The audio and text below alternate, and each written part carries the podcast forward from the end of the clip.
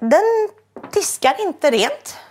Och när man tar ut disken så, ja du ser, alltså den är inte torr. Om jag inte torkar det innan jag sätter in det i skåpet så måste jag ju torka av det innan jag dukar. Jag tycker det har försvårat livet. Det har försvårat livet. Som vi gör det bror Vi går upp, vi går ner, vi är Anna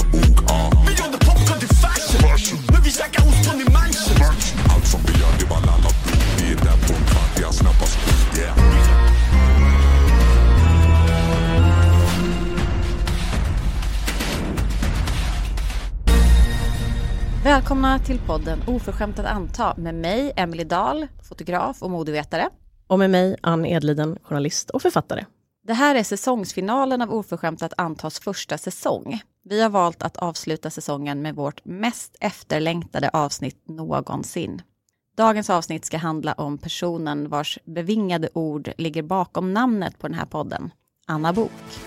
En av Sveriges mest unika kändisar. Timmen är slagen Nu slutar vi för dagen Vi ska kasta oss rakt in med lite nödvändig statistik. Take it away, Ann.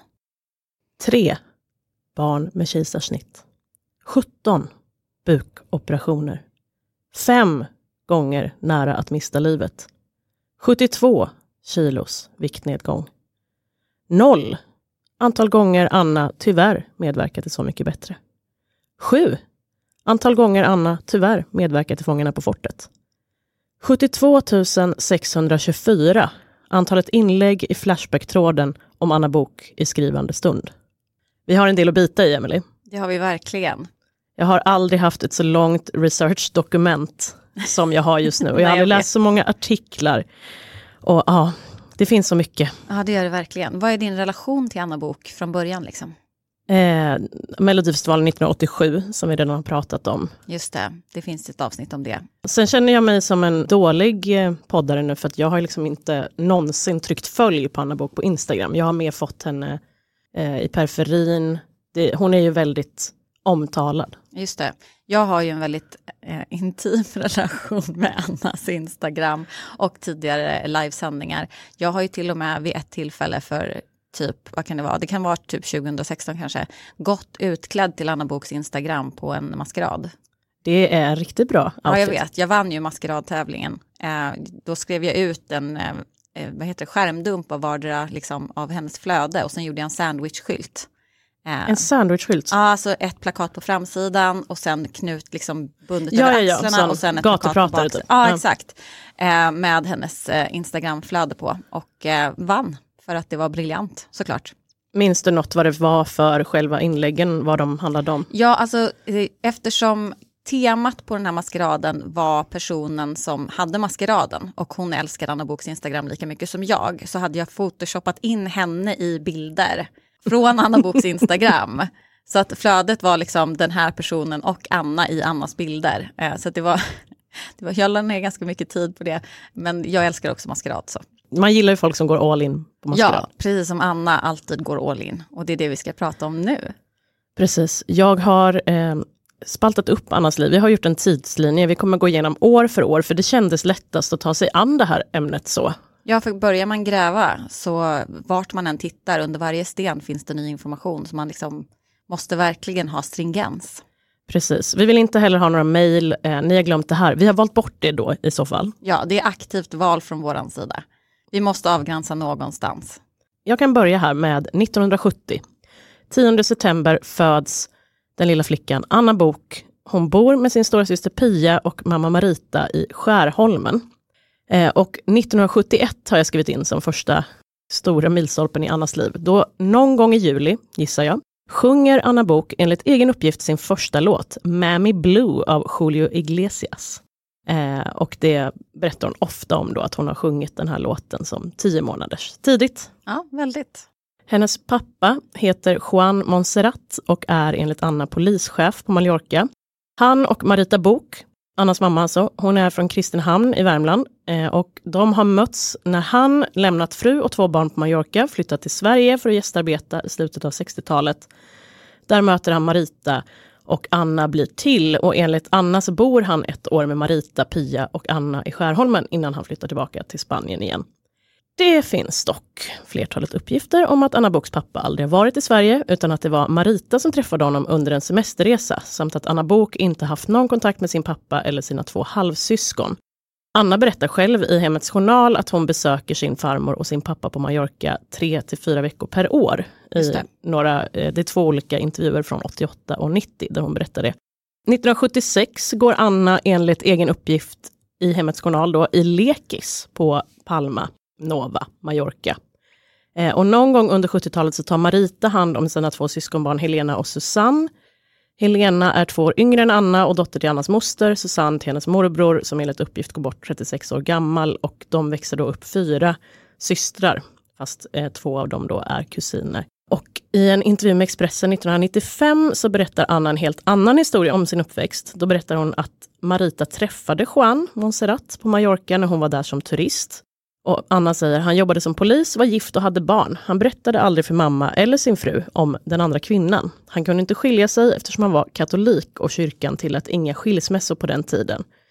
Mamma bodde periodvis på Mallorca och jobbade i en modebutik. Eh, och eh, hon säger, min pappa levde det här dubbellivet under ganska lång tid, men till slut berättade han för sin fru och mamma och tvärtom. De hade varit ihop i sex år när jag blev till. Och när jag skulle födas flyttade de till Sverige, men Juan fick inget bra jobb och tyckte det var för mörkt och kallt, så när han blev erbjuden polischefsjobbet på Mallorca så flyttade han tillbaka. Han ville att vi skulle följa med, men mamma ansåg att vi barn skulle få en bättre uppväxt i Sverige. Och det här motsägs av ytterligare en intervju med Anna från eh, Aftonbladet 2018. Och då så skriver Anna så här, när mamma blev gravid kom hon på att hon skulle åka ner och överraska pappa. Men istället var det hon som blev överraskad. Då kom den verkliga sanningen fram. Pappa var gift och hade två barn i Spanien. Min mamma blev naturligtvis förkrossad. Hon hade inte bara blivit bedragen av min pappa, utan av även alla våra gemensamma vänner som visste allt. Och mamma åkte faktiskt hem för att abortera mig. Hon skulle göra abort och hade en taxi som väntade på gatan. I hissen kände hon, nej, jag älskar den här mannen och vare sig han är med mig eller inte så ska jag behålla det här barnet. Mina farföräldrar ville inte veta av mig och min mamma. Hon var den där svenska horan och jag var en oäkting. Men pappas fru tog emot oss med öppna armar, för han hade lagt alla korten på bordet och förklarat att Marita var hans livs kärlek och min mamma och pappas fru blev senare som systrar. Jag har ju försökt att luska lite i det här med Juan Montserrat och hans eh, roll som polischef på Mallorca.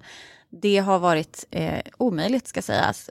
Jag har verkligen försökt hitta all information om Guardia Civils eh, anställda under den här tiden. Det är ju en tid innan internet, så pretty hard. Men jag kan säga så här, jag har faktiskt efter att ha gått igenom alla inlägg på Anna Boks Instagram hittat en bild på Anna med hennes pappa. Och jag tror, du ska få se den här, jag tror att hon kanske är två, tre år. Eh, hon har en brun klänning med vita blommor och sitter med honom och han har då faktiskt polisuniform på sig. Eh, så att eh, där har vi ju ett litet bevis i alla fall i rätt riktning. Ja, gullig hon är. Ja, jättesöt. Alltså vissa saker stämmer ju antagligen, men det här, det som jag tycker blir anmärkningsvärt är hur tidigt då Anna i intervjuer säger saker som sen visar sig inte stämma. Alltså att eh, hon åker och hälsar på sin farmor tre, fyra veckor per år och sen i vuxen ålder säger hon liksom nej men min farmor vill inte veta av mig. Mm. Och det sätter ju lite tonen för resten av podden, att det kommer komma sådana här historier som sen, Motsägs av henne Mots- själv. Liksom. ja Mm. precis. Ja, för ju, vi har ju inte en agenda att motbevisa någonting eh, hon säger, utan det är ju hon själv som säger mot sig själv. Liksom. Precis. Under uppväxten sen så går Anna enligt egna uppgifter i Nacka musikskola på poäng, vilket betyder att man går på stipendium. Eh, och det här Nacka musikskola verkar ju vara en, alltså en musikskola. Jag har inte förstått vad det är. Eh, för att i en intervju när hon är 14 så står det att hon inte har musik på schemat i skolan alls. Okej. Så det verkar ju vara en dålig musikskola då, känner jag, om det Verkligen. är en liksom, heltidsmusikklass. Hon spelar handboll och är simhoppare. Eh, och 1982 så gör Anna sångdebut inför Ronald Reagan i Vita huset. I en intervju i Aftonbladet 1985 eh, med rubriken En bok som Reagan gillar säger Anna till reportern, jag var 12 år och på en USA-resa med Nacka musikskola sjöng vi Fjärran vingad syns på Haga för presidentparet. Sen så har Anna gett ut sina memoarer 2008. Den heter Boken om Anna Bok. Och där skriver hon, Jag blev antagen till Nacka musikskola och fick resa till USA. Och det var en fantastisk resa. Vi var bland annat på besök i Vita huset i Washington. Vi stod utanför och uppförde en spontan konsert. Jag minns att det stod en man i fönstret och vinkade. Jag visste inte vem det var, men de äldre eleverna påstod att det var Ronald Reagan. Och det låter väl bra, så det var säkert han. 1982 till 83, enligt flera uppgifter så går Anna i sjunde klass på Forsnässkolan i Munkfors, där Marita har köpt sommarhus i slutet av 1970-talet. Och hösten 1984, då har DNs förortsbilagor runt stan arrangerat en talangjakt på 13 olika scener och Anna Bok vinner Nackafinalen och kommer sen fyra i slutfinalen på Göta Lejon. I publiken sitter då två män från skivbolaget CBS och nu får hon göra en singel som heter Hjärtat bankar.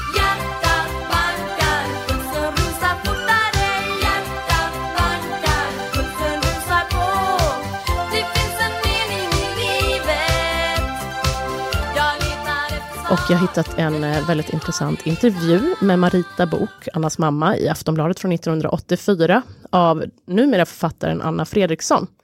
Och där berättar Marita glatt att hon är Annas manager, tillsammans då med någon som heter Gunnar Johansson och kommer från det oklara företaget Samdistribution. Anna är nu 14 år och hennes mamma och äldre syster Pia, som är 23, säger upp sig från sina jobb för att ta hand om Annas karriär och svara på fanclubbrev. Märk väl att Anna har då ännu inte gett ut någon musik överhuvudtaget. Och även kusinen och systern Susanne, eh, 17, ska också svara på brev i den här fanklubben dit breven såklart kommer dråsa in. Allt enligt Marita som citeras direkt i artikeln och poserar på bilder med Anna. 1985, då hoppar Anna av grundskolan. I de flesta intervjuer så har Anna sagt att hon hade många vänner i skolan och inte blev mobbad. Men i en intervju med Aftonbladet 2018 så säger hon att hon blev mobbad och det var därför hon hoppade av. Det var mest jämnåriga tjejer som låg bakom de elaka påhoppen, sällan killar. I perioder blev jag mobbad i skolan. Anna mår dåligt, vill inte gå dit. Hon skolkade. Mamma blev inte arg. Istället peppar hon Anna att gå rak i ryggen. Om klasskompisarna sa att jag var ful sa hon bara, det enda som är fult är att vara elak och missundsam. Och sen har vi en intervju från Expressen eh, från 1995 som jag flera gånger kommer återkomma till. Och där säger Anna, som svar på påståendet, när du slog igenom så skrev tidningarna att din mamma sa upp sig från jobbet för att matcha dig. Då säger Anna, det är lugnt. Och något som någon inkompetent journalist fick för sig, bara för att Carolas pappa sa upp sig. Min mamma är dominant, men det var bra att hon fanns där. Ännu en härlig Ja. motsägelse som Ja. vi älskar så mycket. Ja, otroligt eh, upplyftande. Man blir fylld av livskraft. Alltså. Verkligen. 1985, då debuterar Anna i tv. Hon medverkar i programmet Solstolarna. Och hon berättar i många intervjuer att hon kommer med i det här programmet genom att ha ett möte med upphovsmakarna Ola Ström och Per Dunsö. De två tokfransarna som 1984 fått göra jullovsprogrammet Toffelhjältarna i SVT. Och första säsongen av Solstolarna sänds sommaren 1985 på morgonen. Eh, det är alltså riktat mot barn. Det som man kommer ihåg Solstolarna för, jag kommer inte ihåg det här, men eh, folk, det finns i det allmänna medvetandet och det alla nämner då är ju att det är lite gubbsjukt och att det är många unga lättklädda flickor. Eh, och jag fastnade för ett försvar av eh, Ola Ström, då den ena mannen här, eh, när han skulle försvara sig att det var så mycket bröst eh, i hans program, så säger han, men inte har de särskilt stora bröst. Ett försvar så gott som något. Ja, alltså Solstollarna då, det var ju som du berättade ett sommarlovsprogram med Ola Ström och Per Dunsö. Och ehm, serien handlar om ett café som bedrivs av vuxna och barn blandat med lite sagostund och diverse musikframträdanden. Och jag mindes inte så mycket av programmet själv, trots att jag såg det när jag var liten på VHS. Så jag gick till KB för att färska upp minnet. Det var en feberdröm av trams utan dess like och utan någon verklig stringens. Eh, men vi kommer ju återkomma till Solstollarna i en senare säsong, så jag ska inte gå in i detalj på det just nu. Men kortfattat för de som inte såg Solstolarna när det gick eller känner till det så såg varje avsnitt ungefär ut så här. Sketch på kontor med två gubbar. Barn som dansar lite. Barn lyssnar på högläsning av saga. Sketch med två gubbar på en strand. Sångframträdande med surrealistisk dans. Sketch med två gubbar om danska wienerbröd. Slut. Anna spelar en kärlekskrank tonårstjej som jobbar i musikensemblen på kaféet. Tror jag, det är lite oklart. Eh, och då och då får hon sjunga någon av sina låtar i programmet. Med dagens mått mätt är Anna en mycket liten del av alltihop, men eftersom detta var det enda som gick att se vid tillfället så förstår jag verkligen att det fungerade som en enorm plattform för henne. Hon blir liksom här folklig för en hel generation av barn och medelålders vita män, särskilt med tanke på att hon syns i introt med namn och bild iförd en blå bikini. Hon framställs som en naiv Lolita med mjuk röst och barnsliga kläder, reducerad till den typiska tonårstjejen som bara tänker på killar. Ett ok som hon sen fick bära och som förmodligen inte hjälptes av hennes cocker spaniel-ögon och mjuka sätt att prata.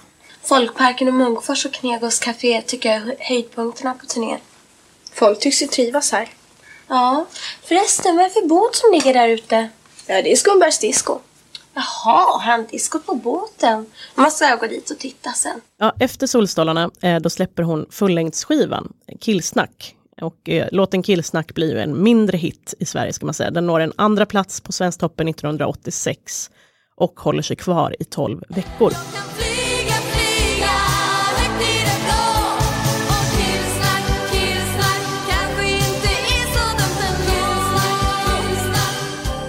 Samma år, 1985, så träffar Anna sin pojkvän Mehmet på ett diskotek.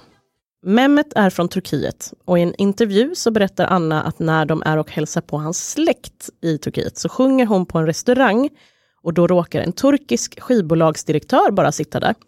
I artikeln som är från Hemmets Journal 1988 så förhandlar hon just 1988 om både skivkontrakt eh, i Turkiet och eh, film.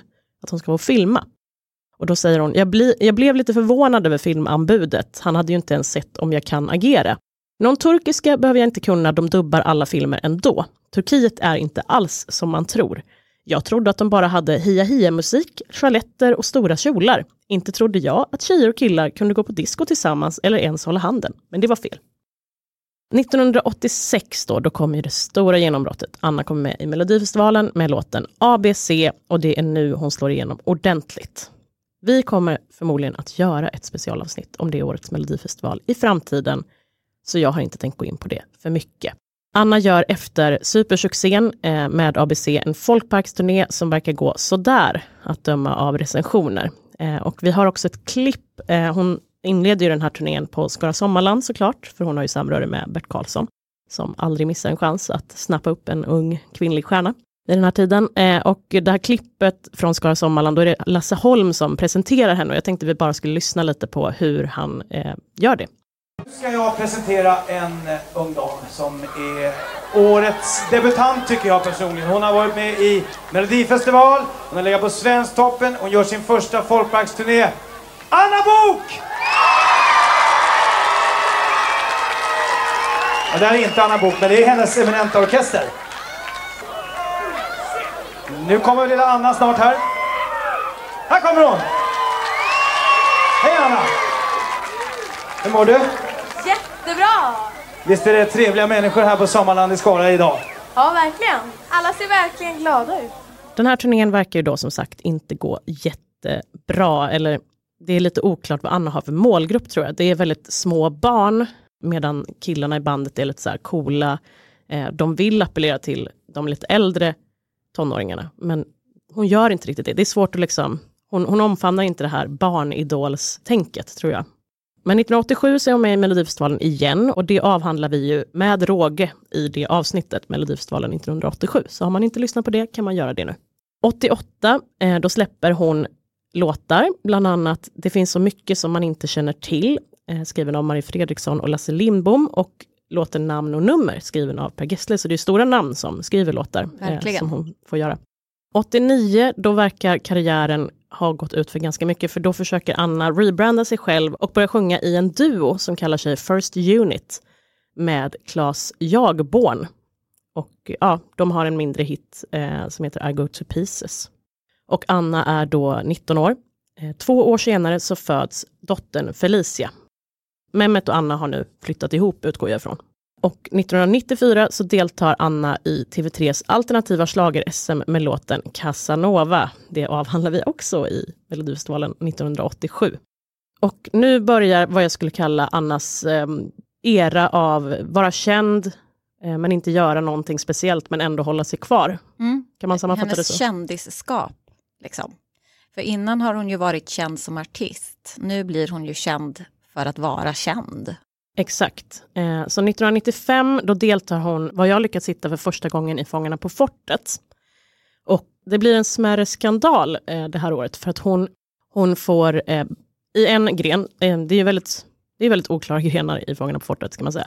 I en gren så brottar hon ner då en gyttjebrotterska och Anna kopplar ett grepp om gyttjebrotterskans nacke så allvarligt att gyttjebrotterskan sjukskrivs i fyra veckor och senare säger upp sig.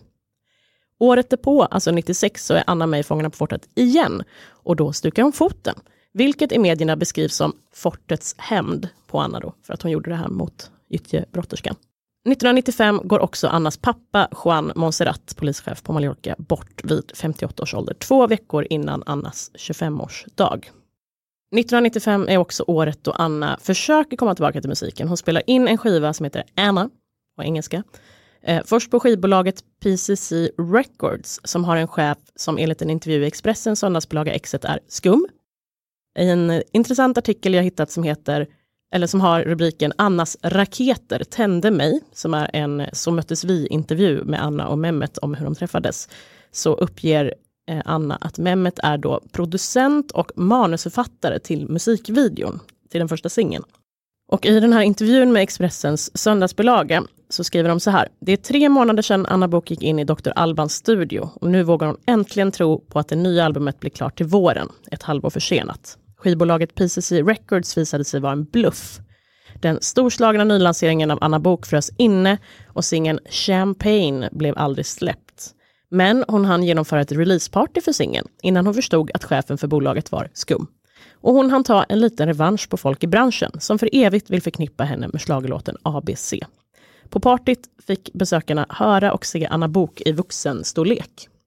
Och Dr. Alban, eh, som då tar över Annas karriär här, vill lansera Anna utomlands. Och Anna säger, han vet att jag har erfarenhet av den här typen av musik, dansant, soul och reggae. Görs lanseringen på rätt sätt tror jag att det kan bli bra. Och eh, året därpå så släpps äntligen albumet Anna på Strike Records. Och jag kan läsa upp låtlistan. He went ooh, my love for you.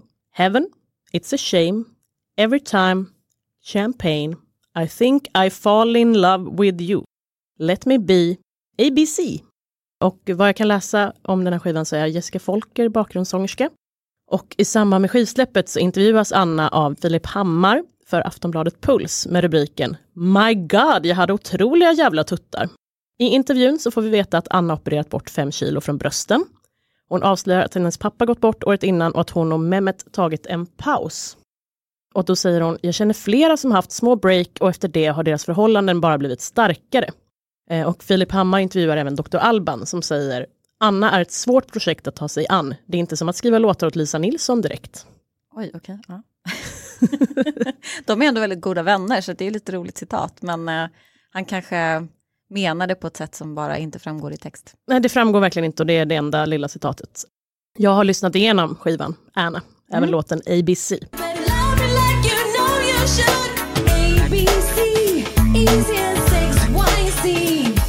Mitt omdöme om den här skivan och om de här låtarna, det är verkligen skit. Det är 90-tals soul när den är som sämst.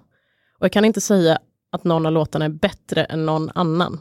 Eh, Skivan får en recension i Göteborgs-Posten, där recensenten skriver Anna Bok har skippat efternamnet och riktat in sig på en ny publik, men grundkonceptet känns igen. Banal, plastig pop som gjorts ungefär tusen gånger tidigare. Försök tränga igenom det här utan att gäspa käkarna ur led. Och ja, jag försökte och ja, jag misslyckades. Hårt. Jag kan säga att skivan finns inte på Spotify, men den finns ju på YouTube om man är nyfiken. Yes. 1997, då är Anna med i showen That's Amore på Tyrol, som verkar minst sagt mustig. Tydligen så är det opera, ballett, krogshow och sketcher. The Kalle Moraeus gosar med Annas bröst som vi kan se på bilden här nedan. Och en månad efter premiären så går showen i konkurs. Who would have thought? Ser ut som ett pangkoncept när man tittar på bilden. Verkligen. Den kommer vi lägga ut sen på vår Instagram. 1998 så träffar Anna sitt livs kärlek, Roberto Toledano. Äntligen! Eh, och jag har hittat en intervju med Hemmets Journal från 2003. Då har de ju hunnit vara ihop i fem år då, men eh, det beskrivs fortfarande som en ny förälskelse. Och de skriver, privat är livet lyckosamt för Anna just nu. Kärleken blommar i form av Roberto Toledano, en svenskfödd spanjor med jobb på spanska ambassaden i Stockholm. Det 13 år långa förhållandet med Turkietfödde Mehmet är följaktligen över, trots att Anna för sjuåriga dottern Felicias skull gjorde allt för att det skulle fungera. Brudklänningen som Mehmet en gång gav henne blev aldrig använd. Det gör ont när knoppar brister, men sånt är livet, säger Anna. Jag önskar Mehmet allt gott. Anna berättar hur hon relativt nyskild satt och drack kaffe tillsammans med en bekant som plötsligt påstod att han kände den rätte mannen för Anna. Jag var inte ett dugg intresserad av att träffa en ny kille, men plötsligt en kväll ringde min bekant på dörren. Han stod där med Roberto och ville bli inbjuden på en fika. Anna bjöd på middag och rätt som det var hade timmarna runnit iväg. Roberto skrev något rart i Annas gästbok och så var besöket över. Sen hon ger en liten annorlunda version i Expressen 2014 av det här första mötet. Där står det så här. Roberto var på en promenad i området där Anna bor när de möttes och började prata. Hon bjöd in honom och dukade fram kex och ostar som hon hade gjort själv. hon, är alltså, hon är så Anna Bok.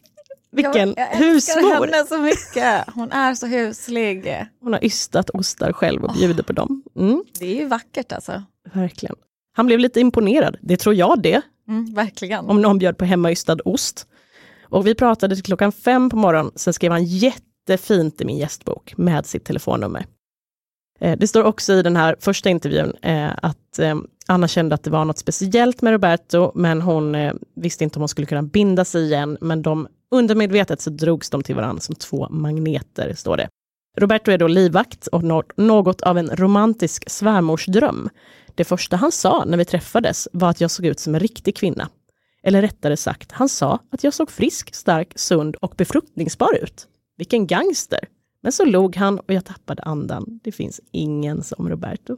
Fan vad romantiskt ändå.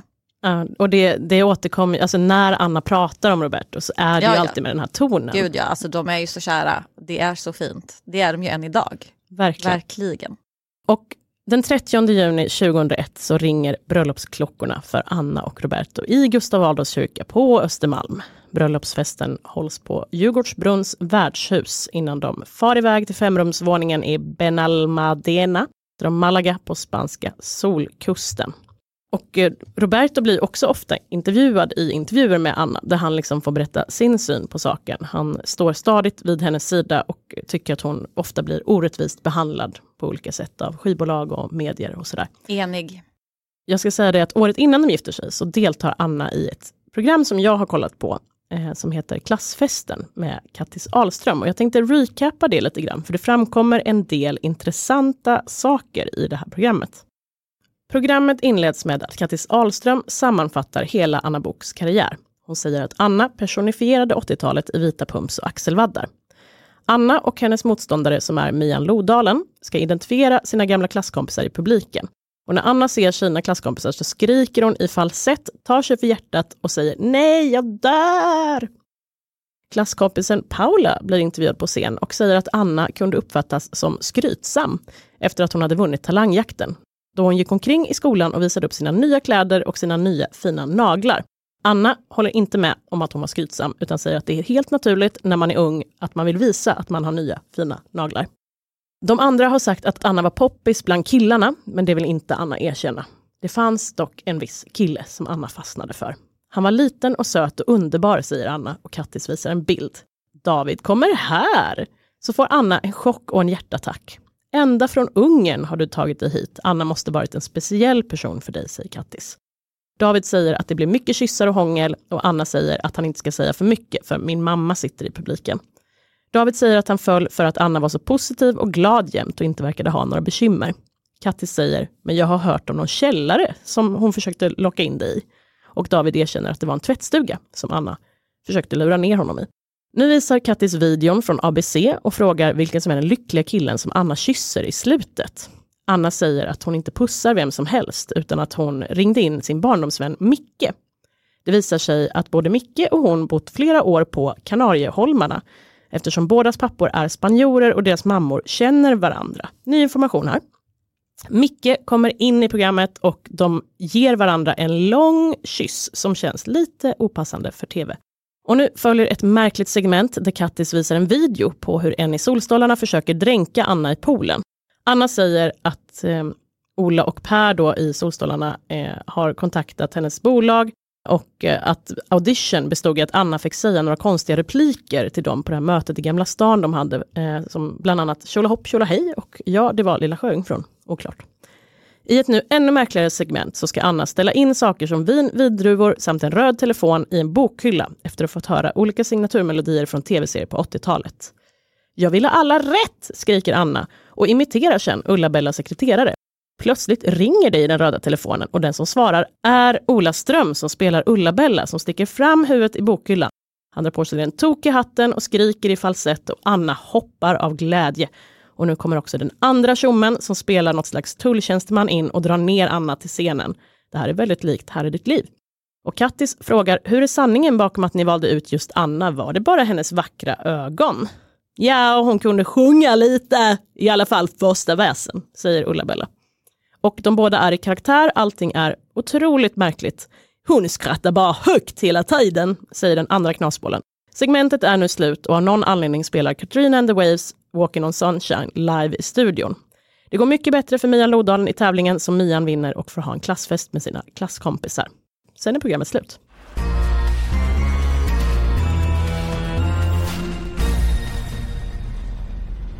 –2003, då får Anna gå på någon annans bröllop. Eh, och det ska ju du berätta lite om, Emily. Just det, det var ju då alltså Annas tur att få gå på Rednecks-Annikas bröllop. När sångerskan Annika Ljungberg, 42, gifte sig var väninnan Anna Bok 40 självskriven på hennes bröllop. Men nu går Annika Ljungberg till frontalangrepp på sin forna vän. Så lyder ingressen till en pikant artikel i Aftonbladet från 2011. Det är en gammal konflikt från 2003 som bubblar upp till ytan när Rednex-sångerskan Annika Ljungberg tar bladet från munnen och berättar om hur hon upplevde att Anna betedde sig på hennes bröllop. Bröllopet, som hade riddartema och där Runar Sörgard agerade vigselförrättare, ska ha varit otroligt vackert. Tyvärr förstördes det helt av Anna Bok. När ceremonin var som vackrast och tårarna rann kom Anna Bok in som en jävla flodhäst och förstörde allt, säger Annika Ljungberg till Hänt Extra. Därefter ska Anna ha hållit hela två tal under middagen som enligt Annika till största delen ska ha handlat om Annas egna bukoperation. Anna Bok själv slår ifrån sig kritiken och väljer att önska Annika all lycka i livet. Stort gjort av Anna. 2004, Anna utsätts för porrterror. En spännande rubrik som inte visade sig vara lika spännande när man läste artikeln. Roberto har googlat Anna som han så ofta gör och hittat sex noveller som någon lagt ut online med BDSM-vibbar. De har polisanmält. 2006, då får Anna en liten revival skulle jag säga, för hon deltar i Let's Dance. En av många besvikelser i Annas liv och det är Måns Zelmerlöws brutna löfte. Och Anna säger i en intervju med Aftonbladet, när jag dansade i Let's Dance så var Måns Zelmerlöw samtidigt med i programmet. Han vann och jag kom tvåa. Vi bestämde oss för att göra musik tillsammans, men han drog sig ur i sista stund. Vi hade till och med bokat en studio. Jag tror det var hans management som tvingade honom att hoppa av, att han skämdes för att göra det tillsammans med mig. Men vi hade lovat varann och han bröt det och det var jävligt fult tycker jag. Han borde stått vid sitt ord. Men det här är egentligen inte något jag är särskilt arg eller upprörd över. Anna genomför också en abort under Let's Dance som Bert Karlsson råkar avslöja för Aftonbladet och bråk uppstår då mellan honom och Anna eftersom Bert hävdar att det var uppgjort på förhand att Anna skulle avslöja allt om aborten för att få folk att rösta på henne i finalen. Okej. Mm. Anna kommer ju tvåa då, Måns vinner. Och han fjäskar ju väldigt mycket för juryn, enligt Anna. Ja, det kan jag verkligen tänka mig. Han känns som en riktig suck-up. Alltså. Året därpå fortsätter Anna Boks eh, revansch kan man säga, för då får hon ställa upp i Melodifestivalen igen och det har gått 20 år då sedan hon ställde upp med fiaskot. Eh, det finns en, ge inte upp, det finns en morgondag och där följer hon ju det kan man säga. Hon ger ju inte upp. Och den här gången så är det med låten Samba Sambero, en klassiker i svensk musikhistoria.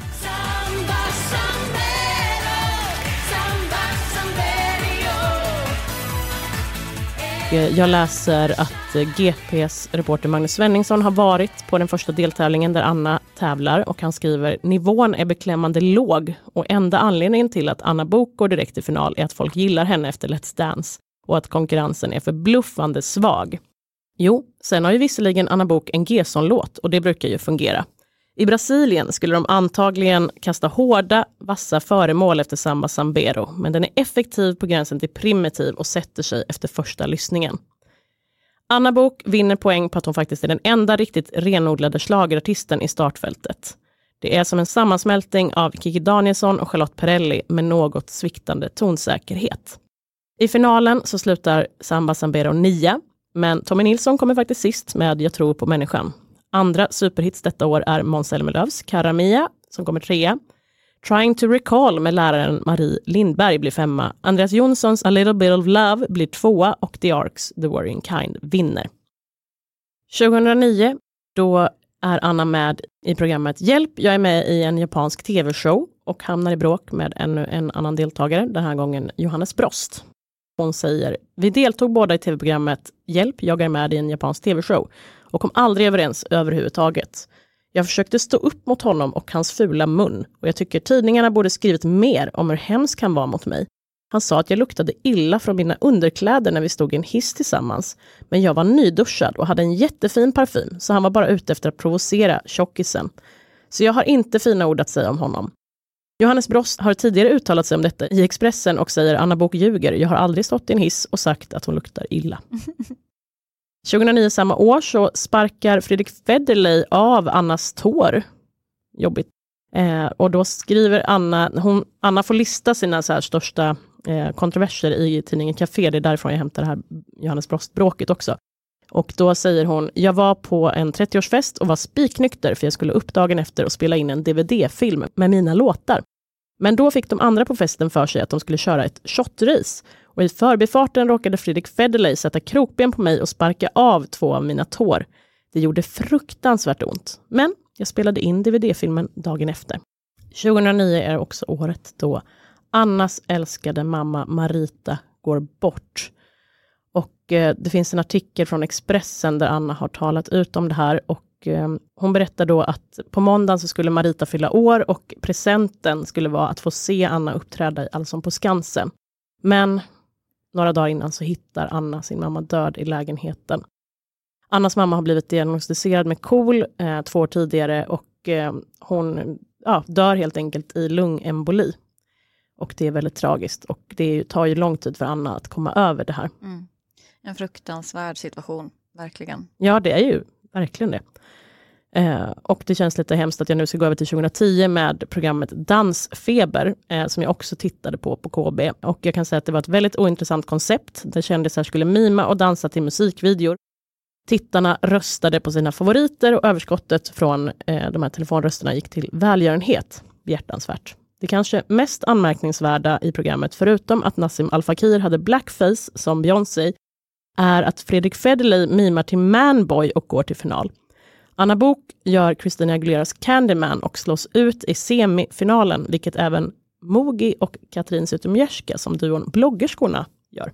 Ett tidsdokument på så många sätt, det programmet. Verkligen. Det är också, killarna är ju i, i eh, kvinnokläder och det är liksom, ja, speciellt. Det känns väldigt länge sedan, fast det är inte så himla Ja, det är bara länge sedan. 13 år sedan. Jag tror att folk glömmer bort hur kort tid vi har varit woke faktiskt. 2013. Då inträffar något stort i Annas liv. Eller ja, det kanske är större i mitt liv än i Annas liv, när jag tänker efter. Det är söndagen den 18 augusti 2013. Jag, Ann, är 28 år och jobbar på NVT, lokaltidningen i Värmland. Jag har åkt upp till Munkfors, som både jag och Anna Bok har anknytning till. Jag, eftersom min farmor och farfar bodde här under hela min uppväxt, och Anna, eftersom hennes mamma köpte ett hus för halva priset av en norrman på 1970-talet, som föll som en fura för Maritas karisma, enligt vad Anna berättar i Nemo möter en vän. Och eh, så här står det i artikeln som jag skriver, som pryder ett mittuppslag i MVT. Både regnet och förväntningarna låg i luften under söndagens audition i Munkfors. Av över 60 sökande skulle 20 beredas plats i Anna Boks kör och sångerskan var sprudlande glad över att vara tillbaka på orten. Munkfors är barndom och sommar för mig. Det ska bli så himla roligt att få göra det här.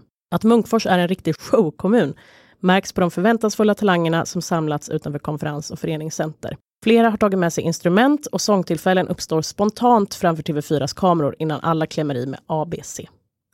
Det är jätteroligt att se så många bekanta ansikten. Jag har varit i Munkfors under alla lov som liten och framförallt sportlovet då vi for till Sunne och åkte skidor nästan varje dag, säger Anna Bok. Både Annas mor och moster har bott i kommunen och fram till 2007 så ägde Annas mamma ett hus som hon köpte som ensamstående mamma med fyra döttrar på 70-talet. Vi var på besök där igår. Det ägs av en norrman nu, men många av mammas möbler fanns kvar och han gav mig bland annat en spegel som jag gjorde själv i träslöjden som 13-åring under det år som jag gick i Forsnässkolan, berättar Anna Bok. Mitt mest bestående minne av det här mötet, som alltså handlar om att Anna Bok eh, håller i en audition inför sin medverkan i Körslaget, det är att Anna är väldigt, var väldigt trevlig och glad. Och eh, den flörtiga stämningen mellan henne och två män som jag lagt in en bild på här nedan. Och jag var tydligen på den här tiden för finkänslig för att ta med särskilt mycket av den här flörtiga stämningen i artikeln, vilket jag definitivt hade gjort idag. Har du Oj. tittat på bilden? Har du Nej, sett den flörtiga stämningen? titta. Oj, ja. Kåtma finns. Det är alltså två tvillingar också.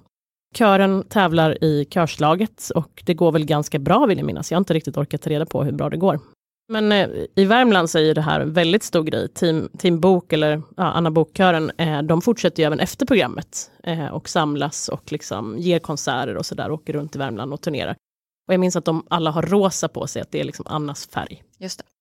Och nu kommer ju en tid i Annas liv också, när hon, det här är 2013, men under de här åren så börjar hon bli väldigt aktiv på sociala medier. Hon har ju haft en blogg i flera år, men nu gör ju Instagram inträde i hennes liv.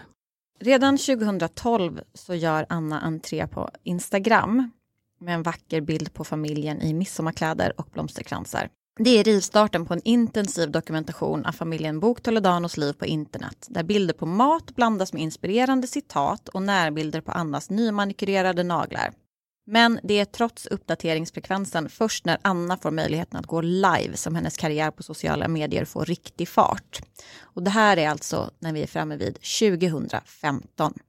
Appen Periscope lanseras samma år och är en föregångare till Instagram Live där vem som helst kan filma sig själv och sända till hela världen. Vad som gör att Anna hakar på trenden är oklart, men att hon gör det kan inte undgå någon i Sverige under den här perioden. 2015 och 2016 sänder Anna live nästan varje dag, ofta flera timmar i sträck medan hon gör vardagliga saker, till exempel lagar mat eller viker tvätt. Medan hon gör det så pratar hon om allt som pågår i hennes liv och det blir inte sällan dramatiskt och känslosamt. Dessutom får Anna motta mycket spott och spe i kommentarsfältet medan hon sänder, något som hon ofta besvarar med ilska och frustration. Dessutom briserar ett gäng skandaler under hennes mest intensiva tid på appen. Hon får kritik från Transportstyrelsen då hon sänder live medan hon kör bil i Stockholm, något som är olagligt sedan 2013. Hon öser skit över arga snickaren, som vi kommer komma till om en liten stund, och hon hamnar i en bitter fejd med bloggbevakning då hon anklagas för att använda pulversås på påse istället för att göra en sås från scratch under en live. Och hon hamnar i en konflikt med en person som vi nu ska prata lite mer med, nämligen Transfrans.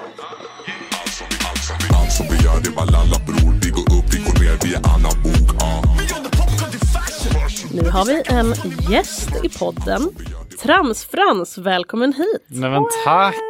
Gud, vilken ära. Och eh, vi har lite grejer här som vi tänkte fixa med. Här har vi en liten partyhatt. Vill du, Ja. vill du välja färg? Absolut. Nej men jag tar silver. Kan man ha Det partyhatt kändes, ovanpå eh, keps? Är det ja, det jag- nya eller? Jag tar en lila, det känns häxigast. Ja, ska vi se. Gud, det Så här var fint. inte igår. Eller? Ska vi se. Vad fint! Ja, Ja, tokigt. partyhatt. Och sen vet ju jag att du har ju Anneli Rydés boa. Den tog du inte med dig idag. den tog jag inte med. Men du får en, en lila glitterboa här av Ja, mig istället. Gud vad glamoröst. Emelie, du får en sån sån- blomsterkrans. Luau-krans Gud, eller vad det oj, heter. shit. Jag ser ut som en enhörning. Gud vad fint det blev. Jag känner mig Ja. som Daniel Paris. Typ. Eftersom du var med i Annas drinkskola, det ska vi Mm. prata om tänkte vi, eh, så har vi ni skulle ju köra grogg men det blev kiwilikör med lite olika saker i. Ja, Precis. Eh, ja, jag minns faktiskt inte de exakta ingredienserna där. Ehm, Jag såg på programmet igår och jag minns dem inte heller. Men jag minns kiwilikören. eh, och jag kollade på Systembolaget. Finns det någon kiwilikör i Sverige? För Anna hade köpt den här i Spanien. precis. Eh, och det finns inte. Tråkigt. Undrar varför. Precis. Men vi har lite, eh, de här är säkert cancelled, absolut. Oj, ja. Mm, Men vi kör det ändå. absolut, absolut. Det är ingen som är cancelled, det är oförskämt att anta. Verkligen Nej. inte. Eh, vilken smak vill du ha Frans? Det finns, eh, eh, vad står det? Raspberry tror jag. Mm. Alltså varför det stavas med i vet jag inte. Lime, vanilj, citron och watermelon. Uh, nej men lime känns väl fräsch. Sommarfräscht. Ja, jag höll på att säga att det är likt kiwi, men jag vet inte. Nej. Du, det här, du får Ehm. välja på Zingo citron eller Sprite. Jag tror att Sprite känns mest clean faktiskt. Ja. Varsågod och ta. Jaha, okej. Då Ja, det är självservering här. Ja, ja, okej. Mm. Det var det inte hemma hos Anna. Va? Där fick man serverat. Va? Vem har stulit min citron? Nej, men det, är det, inte Det var jag själv. Ja, jag, jag ska ta en bild här till podden bara. Gud. Jag tror det. Så. Mm, vad god. Min var faktiskt Ja, ganska jag ska god. smaka nu. Mm. Skål. Skål. Skål. Salud, som man säger i Spanien. Exakt. Just det. Jag är snart klar, jag lovar. jag är faktiskt fotograf, det här måste bli bra. Ja, ja, ja. Ändå i paritet med Anna. Alltså, Absolut. Ljussättningen Ja, är eh, on point. Hon jobbar ju verkligen med socialrealism i sin, eh, sitt matfoto och drinkfoto. Du får ju berätta vad du har i din drink. Ja, jag har ju då den vidriga kombinationen eh, vatten, melon, absolut vodka och iste. Mm. Pre- eh, iste peach. Jag blev ju så sjukt förbannad på dig när du bara, man ska jag inte vet. anta, alltså det är fult att anta, det är så mycket socker i iste. Alltså vet du hur lite socker det är i iste? blad. Vi bländ, vänder blad som kungen helt enkelt. Precis. Kunde han ligga med Camilla Henemark så kan du och jag bli vänner. Så kan vi ligga. Nej, usch. Nej, vill du det? Nej. Känner du dig lugn med att prata om Anna Frans eller känner du att det är sårigt? Nej, det, det har ändå gått eh, x antal år. Eh, så jag, jag har gått vidare i livet. Er relation är lång, men jag skulle vilja att du ger en liten kort tidslinje om du kan av din och Annas relation. Ja, nej men absolut. Nej, men den började väl med en rivstart kan man säga. Med hela den här oförskämt att anta. Det var det någonstans som var startskottet skulle jag säga. Det här tror jag var, det måste nog ha varit 2015 om jag inte minns fel. Du får nog rätta mig om jag har fel. Nej, jag tror det är rätt. Men det, ja precis. Hur Anna- gammal var du? Eh, nej, men jag var 22 Okej. Mm. eh, när det här hände. Jag hade eh, min blogg då på, på Nöjesguiden. Då, på den tiden var den inte lika liksom sådär eh, kändisfokuserad som den blev senare, utan då var det ändå lite mer så att jag typ skrev mer om, alltså allmänt nöjesguidigt liksom sådär. Mm. Men ja, jag halkade in på Anna Bok där ändå i alla fall. Ni vet ju alla historien. Ja, vi går inte- igenom den i avsnitt ett av podden. Ja, ja men då så. Då, så det behöver, ingen- jag tänker att lyssnar man på den här podden då får man gå tillbaka och lyssna på avsnitt ett om man inte fattar vart namnet på podden kommer ifrån. Ja, ja nej men precis. Jag skrev ett inlägg om det då och det blev väl, ja, jag vet inte om jag skulle säga viralt, men det fick ju väldigt mycket, mycket uppmärksamhet sådär från folk som liksom, ja, tyckte att det var väldigt uh, märkligt. Och det var ju också, alltså, det var ju en, uh, en bild som var öppen för, för tolkning. Liksom. Vad var det egentligen i, i glaset? Och sen hela den här reaktionen då från, från Anna. Men sen då så fortsatte ju jag att eh, om vi skriva om henne liksom då och då. Det var mycket livesändningar och mycket ja, men allmänt liksom aktiv på, på Instagram, på, på gott och ont kan man ju säga. Men sen då eh, så slöt vi ju fred. Och det var ju då när jag var med och gästade Anna Boks drinkskola som det hette. På vems initiativ eh, slöt ni fred? Alltså, vem var det som låg bakom Eh, kontakten nej, men med det henne? var liksom- precis, det var de som hade då den här Anna Boks drinkskola. Det var Okej. en, YouTube-kanal som heter Kändis-TV. Eh, jag vet inte om de är aktiva fortfarande, men eh, personen som hade den kanalen hade då en, eh, han var väl bekant slash kompis till Anna, lite, lite oklart sådär. Så de hade liksom en in, en in till Anna där då, där de då bestämde sig för att ja, men de skulle göra en, en drinkskola med Anna helt enkelt. Och då var det då tanken att ja, men de skulle bjuda in flera kända gäster där Anna Bok då helt enkelt skulle göra drinkar. När var det här i tid? Det här var 2016. Ett år av fade och om jag har förstått det rätt när jag har gjort research så var det ändå så att hon var medveten om dig och kanske till och med hade uttalat sig om dig på Periscope. Men ni Ja. hade inte sett innan detta va? Eh, nej, Nej. precis. Mm. Utan det var, det var första gången. Det är lite oklart också, jag vet inte vad som egentligen stämmer i det där och inte, men alltså jag fick veta mer eller mindre när jag var på väg dit att Anna inte visste att jag skulle komma. De sa det lite grann som att typ, ja men vi, vi har kollat med Anna typ för ett tag sedan typ, vad skulle du känna typ om Frans kom typ? Och då, då hade de sagt att det var okej, men de hade liksom inte sagt att jag definitivt skulle komma. Så det var lite som en halv överraskning typ sådär. Det var ju typ, ja men tre, fyra avsnitt säkert som skulle spelas in av den här drinkskolan. Ehm, Samma dag? samma dag. Okej, var ni först ut? Eh, nej. Nej, okej, det förklarar ju en hel del. Ja, precis. Så när jag kom dit, så, ja, liksom, hon var x antal enheter in. Mm, fattar. Och det, ja, det är ju inte konstigt. Liksom, Nej, att det- verkligen inte. Ja, det, just nu så är det bara så här, okej, allting faller på plats och grejen är att det är egentligen logiskt. Ja, När man, när man tänker efter, för det är så produktioner verkar, eller brukar funka. Men det är ju också taskigt av produktionen kan jag tycka, att sätta Ja. en i den sitsen. ja men lite, lite så. Men äh, ja, jag kommer in där liksom och, och gör entré från, från uteplatsen då. Hon var ju väldigt glad att få se mig när jag kom och sådär. Alltså det, det var liksom ändå... Det jag var ju hjärtligt. väldigt nervös. Det var hjärtligt, jag var väldigt nervös, men ja, det, det kändes ändå liksom, jag kände mig väldigt välkommen. Det, det var liksom, det var en lång inspelningsdag för, för Anna, men jag tyckte det var väldigt kul att liksom spela in. Alltså det kändes ju surrealistiskt lite grann på, på ett sätt. Det här finns ju kvar på YouTube för den som vill se, så jag tänker att jag ska inte berätta någonting i detalj. Men det som hände där på slutet då av den här liksom inspelningen var ju att vi satte oss ner då vid köksbordet för att hon då skulle eh, avblockera mig. För jag var ju blockad sen den här iste-grejen. Det kanske inte framgick. På men- Instagram alltså. Ja, precis. Du var inte ensam om att vara blockad. Nej, nej men lite så. Där är du med rosa boa. Och så klickar du på följ.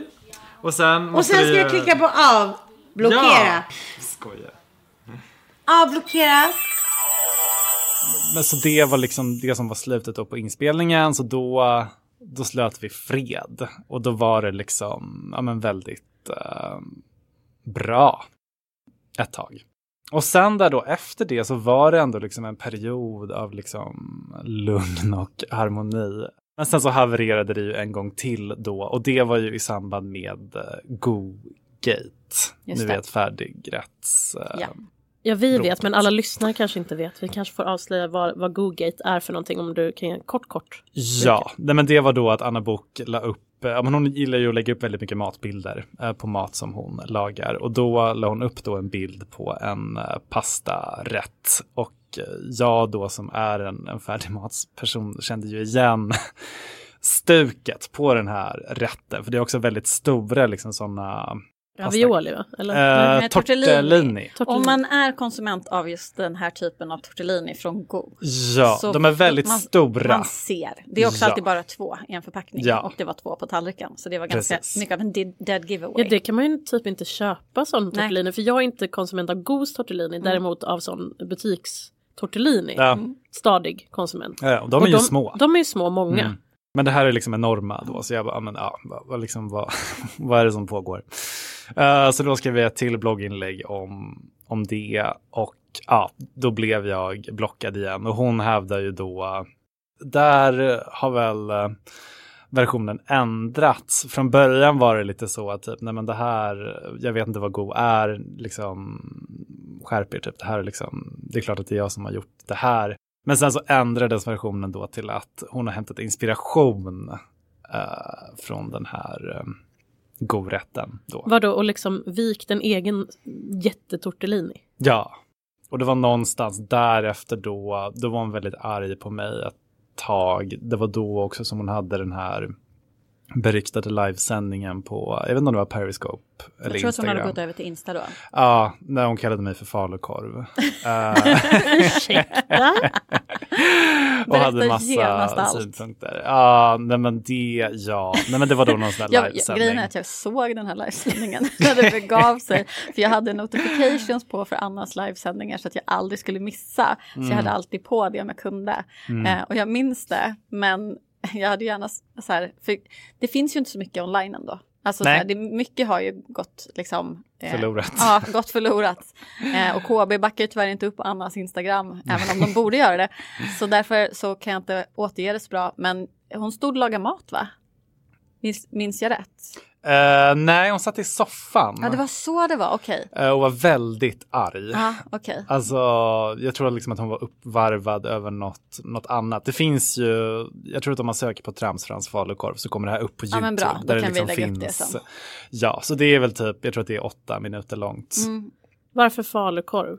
Ja, nej men precis. Det, det undrar jag också. För hon, hon pratade lite grann i liknelser som typ så här att, ja men, jag kommer aldrig bli en chorizo. jag kommer liksom alltid vara falukorv. Och hon själv, eller du? Jag. Alltså. Alltså jag Ja. kommer liksom aldrig vara liksom Den ädla formen av korv. Nej, du är utan- en fulkorv. Okej. Precis, jag är liksom trash Ja, men så här, du kan inte bli champagne, du är mellanmjölk. Precis, Ja. precis. Jag tror att det är typ det senaste egentligen som, eh, det senaste stora i alla fall, där hon liksom typ har pratat om, om mig.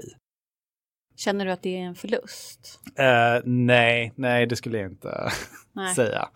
Eh, jag kände att vi, vi gick ju lite grann hela varvet runt där. Liksom att jag, men jag var blockad, jag blev oblockad, blockad igen. Alltså det, det kändes som att eh, relationen var dödsdömd. Vilken tycker du att Annas viktigaste insats är i svensk kulturhistoria? Nej men hon har ju ändå alltså, haft alltså, lång och trogen tjänst får man ju säga inom uh, nöjes eller tv-branschen framförallt. Hon har varit ett säkert kort. Jag har tänkt på att hade, hon, hade det här varit USA då hade hon ju haft en realityserie för familjen, alltså direkt på Ja, ja. någon sån här Alltså Oxygen som en Exakt. kanal som vi Ja. eh, pratade om Mr. Romance i förra avsnittet. Eh, någon sån kanal och det är liksom det känns som en förlust för Sverige att hon aldrig har fått ha en realityserie. Alltså vad är de rädda för? Men Ja. hon har väl sagt att eh, de blev approcherade innan Wahlgrens. Det har hon sagt. Ja, Precis. vet jag inte om det stämmer. Men Ehm, eh, och när jag tittar på Arge snickaren så känner jag inte att det finns eh, tillräckligt med spice där. Men nej, nej, hon hade nog fått dra ett väldigt tungt eh, lass Mm. där. Men det är också det som är inte deppigt, men det är lite tråkigt att liksom Anna inte riktigt har kunnat omsätta sitt liksom kändisskap eller stjärnstatus eller vad man ska säga till, till liksom pengar. Det märks att hon har fått kämpa under liksom de här åren, både liksom, eh, ja men emotionellt och ekonomiskt att liksom det har inte varit så, så fett. Och det känns också lite deppigt att liksom vara en av Sveriges mest omskrivna personer men det betalar liksom inga, inga räkningar. Ehm, sådär. Vad hade du velat säga till Anna Frans om hon lyssnade nu på det här avsnittet? Eh, nej, nej, men vadå? Jag har gått vidare i, i livet. Alltså jag känner liksom inget behov av att liksom eh, rensa luften eh, så. Alltså, Jag tänkte en kärleksförklaring. ja du tänker så. Eh, ja, nej men. ehm, Keep up the Förlåt. good work. Ja, ja nej, men lite så. Men vadå? Alltså, ja, jag vet inte. Jag, eh, jag bevakar kändisar och influencers. Jag förstår att hon inte liksom tycker om mig. För det har varit väldigt pinsamt för henne. Alltså, allt du- det här som jag skrivit om. Liksom. Men du har inte PTSD liksom när du ser falukorv eller att det är något trauma? Så Nej, du kan nej, äta nej, liksom nej, men jag, jag håller allt det här som liksom eh, varma minnen att liksom se tillbaka på. Det, det är ändå, jag är väldigt glad över att allt har, eh, jag hade inte gjort det annorlunda om vi säger så. Så lite mer credit till mig faktiskt. Som inte är en uppstoppad jävla falukorv. En falukorv är alltid en falukorv. Du kan inte bli en chorizo, fattar du det? Det funkar liksom inte. Det är inte samma innehåll. Du kan säga, åh oh, jag är en chorizo, men det syns att du är en falukorv i alla fall. –2016, ett stort år för Anna. Ännu en comeback i Melodifestivalen efter nio år med låten Himmel för två det är en låt med en text skriven av ingen mindre än Camilla Läckberg ihop med låtskrivarna Sven-Inge, Lelle och Larry. Men bara två dagar före deltävlingen händer det fruktansvärda. Låten blir diskvalificerad då samma låt med en annan text har tävlat i Moldaviens uttagning till Eurovision 2014. Aftonbladet rapporterar att Anna är fullständigt förkrossad och Roberto säger att hon mår fruktansvärt dåligt. Det går inte att beskriva i ord. Enligt EBUs regler för Eurovision så får en tävlingslåt inte ha getts ut, framförts offentligt eller på annat sätt offentliggjorts före den 1 november året innan Eurovision. Anna Bok har under den här kvällen när det här händer undvikit att kommentera diskningen, skriver Aftonbladet. Medan övriga artister minglade på välkomstfesten i Göteborg och försåg sig med skaldjur från en frikostig buffé väljer Anna att stanna på sitt hotellrum. Men hotellets personal ser i alla fall till att hon och hennes team får room service med skaldjur från buffén som körs upp i hissen. Anna erbjuds sen att sjunga sitt nummer som en mellanakt i deltävlingen, något hon nappar på. Och Camilla Läckberg skriver på Instagram. Allas våra hjärtan går till Anna som fick det hårdaste slaget av oss alla ikväll. Men vi hoppas ändå att hon orkar ladda om och köra låten på lördag. Hon har fått den möjligheten. Hon får avgöra själv, men jag tror att många av er därute delar min åsikt. Gå ut på lördag, Anna, och kick ass!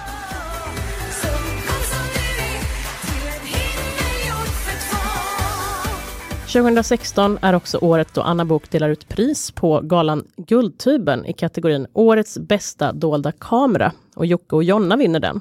På scen så friar Jocke till Jonna och Anna står bredvid. I Nemo möter en vän så säger Anna att folk skriver till henne ofta hur glada de är för hennes skull, att det var hon som fick stå bredvid vid ett sånt historiskt ögonblick. Jag är också glad för hennes skull faktiskt. 2016 medverkar Anna i Arga snickaren VIP med förödande konsekvenser. Jag har tittat närmare på det här avsnittet och ska berätta lite om hur allt gick till. Vi är ju en oerhört liksom, nära och tajt familj som umgås jättemycket. Så umgänget och att få vara tillsammans, det är det ju absolut viktigast för mig. Och här då? Här sitter vi och äter allihopa. Nej. Nej? Anders Övergård sitter i en pickup på väg hem till Anna Bok och hennes familj i Solna. Om några år ska han bli cancelled, men sommaren 2015 ligger världen för hans fötter och det har blivit dags att än en gång åka hem till en kändis med prokrastineringsproblematik och skälla ut henne för att hon är så dålig på det vi kallar livet. Övergård dundrar in i trapphuset där Anna bor och plingar på dörren. Ovanför lägenhetens postfack hänger en laminerad skylt med texten “Här har vi änglavakt”. Anna öppnar dörren och ger Anders en härlig kram. Oj, vilken härlig kram, säger han glatt innan han blir inbjuden i Annas hem. Väggarna har smakfullt stjärnmönstrade tapeter med en tillhörande bord med sol och månmotiv och vita orkidéer står på hallbyrån. Anna visar runt. Lägenheten går i sobra beige nyanser och ser väldigt välstädad ut. Oj, vilken stor soffa, kommenterar Anders innan han snabbt lokaliserar det första störningsmomentet i lägenheten. Familjen har köpt en ny TV men negligerat att ta bort väggfästet till den gamla TVn som döljs bakom den nya och därför rimligtvis inte borde vara ett jätteproblem för någon. Varför sitter den här kvar? undrar Anders barskt. Eh, det eh, kan jag inte svara på, stammar Anna och sedan är showen igång. Anders öppnar en klädkammare till bredden fylld med bråte. Högar med dokument, en yogaboll, ett strykjärn, löpsedlar och affischer från Annas tidigare framträdanden. Det är sorgligt egentligen, för det här är mitt liv som ligger där, minnen och grejer, säger Anna med darr på rösten medan Anders rotar bland sakerna och utropar “Men vad är det här?” Nästa klädkammare är belamrad med ytterkläder och det känns uppenbart att Annas egentliga problem kanske främst är bristen på förvaringsmöjligheter i lägenheten. Nej men herregud, suckar Anders när de når den tredje klädkammaren, som också den är full av saker. Även i källarförrådet råder kaos på ett ganska normalt sätt. Saker står huller om buller så som det tenderar att göra i just ett källarförråd. Anna är en hamster, säger Anders. Det är ju saker överallt. Det blir ingen trivsel och det är en ond cirkel. Nu visar Anna familjens uteplats, ett trädäck omgärdat av grönskande häckar. Vi var här mycket, men inte längre, säger Anna. Orden stockar sig i halsen. Möblerna, trasiga och... Vad händer om man inte tar hand om en möbel som står utomhus? frågar Anders uppfordrande och visar på en lite solblekt trästol. Den blir farlig.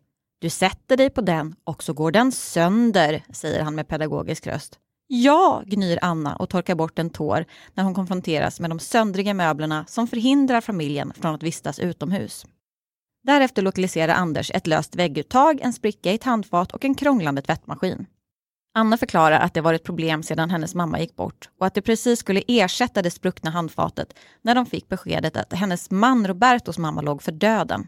Nu ska inte jag vara okänslig, svarar Anders, men det här är ju sex år sedan. Varför har inget hänt sedan dess?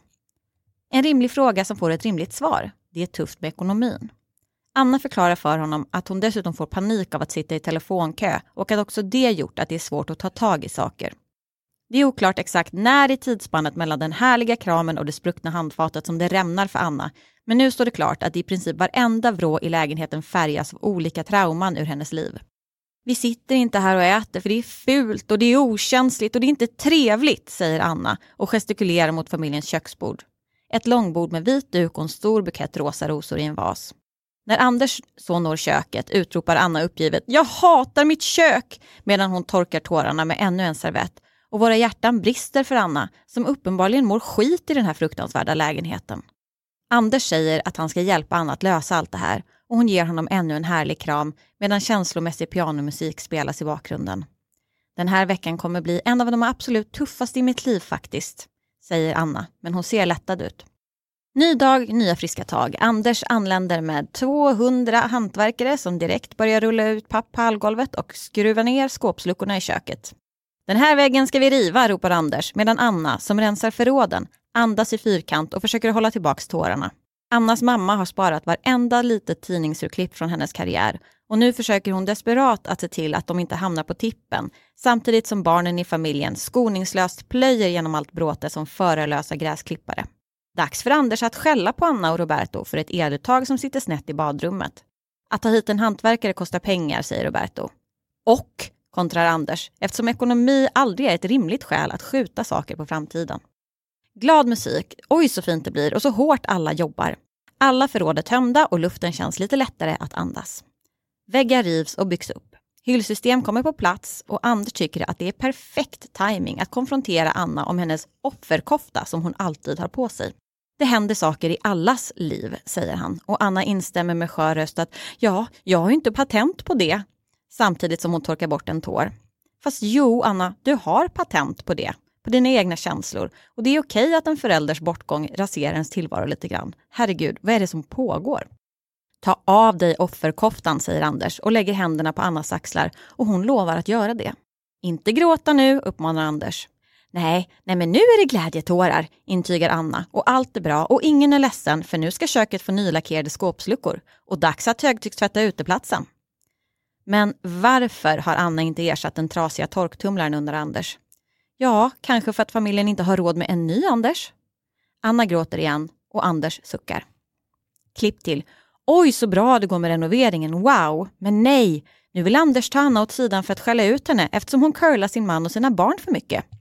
Du gör dig själv till martyr, förklarar han med händerna i bakfickorna. Mm, ja, jo, säger Anna med tårar i ögonen. Anders säger att Anna måste börja ställa krav på sin familj och de kramas ännu en gång. Hurra, nu är det dags för the big reveal. Hela familjen är blown away över hur fint allt blivit. Det är imponerande vad lite färg, tapet och sponsmöbler kan göra. Det här är ju helt sjukt, säger dottern Felicia och Anna gråter för att hon har fått en ny köksö. Kolla så mycket mysigare, säger Anders och pekar på familjens köksbord som ser ungefär ut som innan fast nu utan duk. Vi är alla i chock och när Anna får se den nya tvättmaskinen och torktumlaren i badrummet så omfamnar hon Anders. Det är helt fantastiskt. Det känns som jag har hittat tillbaka. Ett helt nytt hem, säger Anna och torkar bort en tår. Slutet gott, allting gott. Eller? Nej men vänta lite. Det här är ju inte riktigt jag. Det här blev inte som jag ville. Nej, det blev inte som Anna ville visade sig. Kort efter att programmet sänds berättar Anna i en live på Periscope att hon är mycket missnöjd med arga snickarens arbete. I Aftonbladets bilaga Klick citeras hon ur liven där hon säger “Jag är lack. Vårt splitter nya kök är helt förstört efter att arga snickaren gjorde intåg här i vårt liv. Därefter berättar hon att varken fläkt, spis eller kyl fungerar sedan renoveringen. Detta, hävdar hon, har lett till att familjen tvingats slänga mat för hundratals kronor. Anders Övergård kommer med replik i samma artikel och säger följande. Problematiken är inte bygget. Problematiken är att hon inte vet hur torktumlaren fungerar, hur kylen fungerar eller hur spisen fungerar. Sedan inspelningen har han varit hemma hos Anna Bok fem gånger, men nu får det vara nog. Jag kan inte vara hennes personliga butler resten av livet. På Periscope så fortsätter Anna att veva. Hon hävdar att arga snickaren-teamet lämnade övriga rum i lägenheten, de tv-tittarna inte fick se, i total kaos. Dramat rullar vidare in i 2017 då Anna äntligen får tala ut i uppföljningsprogrammet Arga snickaren VIP. Vad hände sedan? Där berättar hon att familjen tvingats dra sig undan socialt eftersom det nya matbordet är så mycket mindre än det de hade innan renoveringen. De nya sofforna de fått är också alldeles för små, familjen får inte plats. Men värst av allt är diskmaskinen som enligt Anna inte diskar rent. Hon visar hur glasen, efter att disken är klar, fortfarande är våta. Detta har lett till att hon tvingas torka av varje glas för hand, vilket enligt Anna har försvårat livet för henne. Ja, det är inte mycket som blivit rätt tyvärr. Och trots att Anders och teamet försöker åtgärda problemen så beslutar Anna och Roberto sig till slut för att sälja huset i Solna 2018. Men redan året dessförinnan så kommer det glädjande beskedet att Anna Bok och Anders Övergård slutit fred. Det enda jag varit ledsen på honom för var att Anders faktiskt ljög och sa att han varit hemma hos oss fem gånger efteråt, fast han inte hade varit det. Avslutar Anna fejden i en kommentar.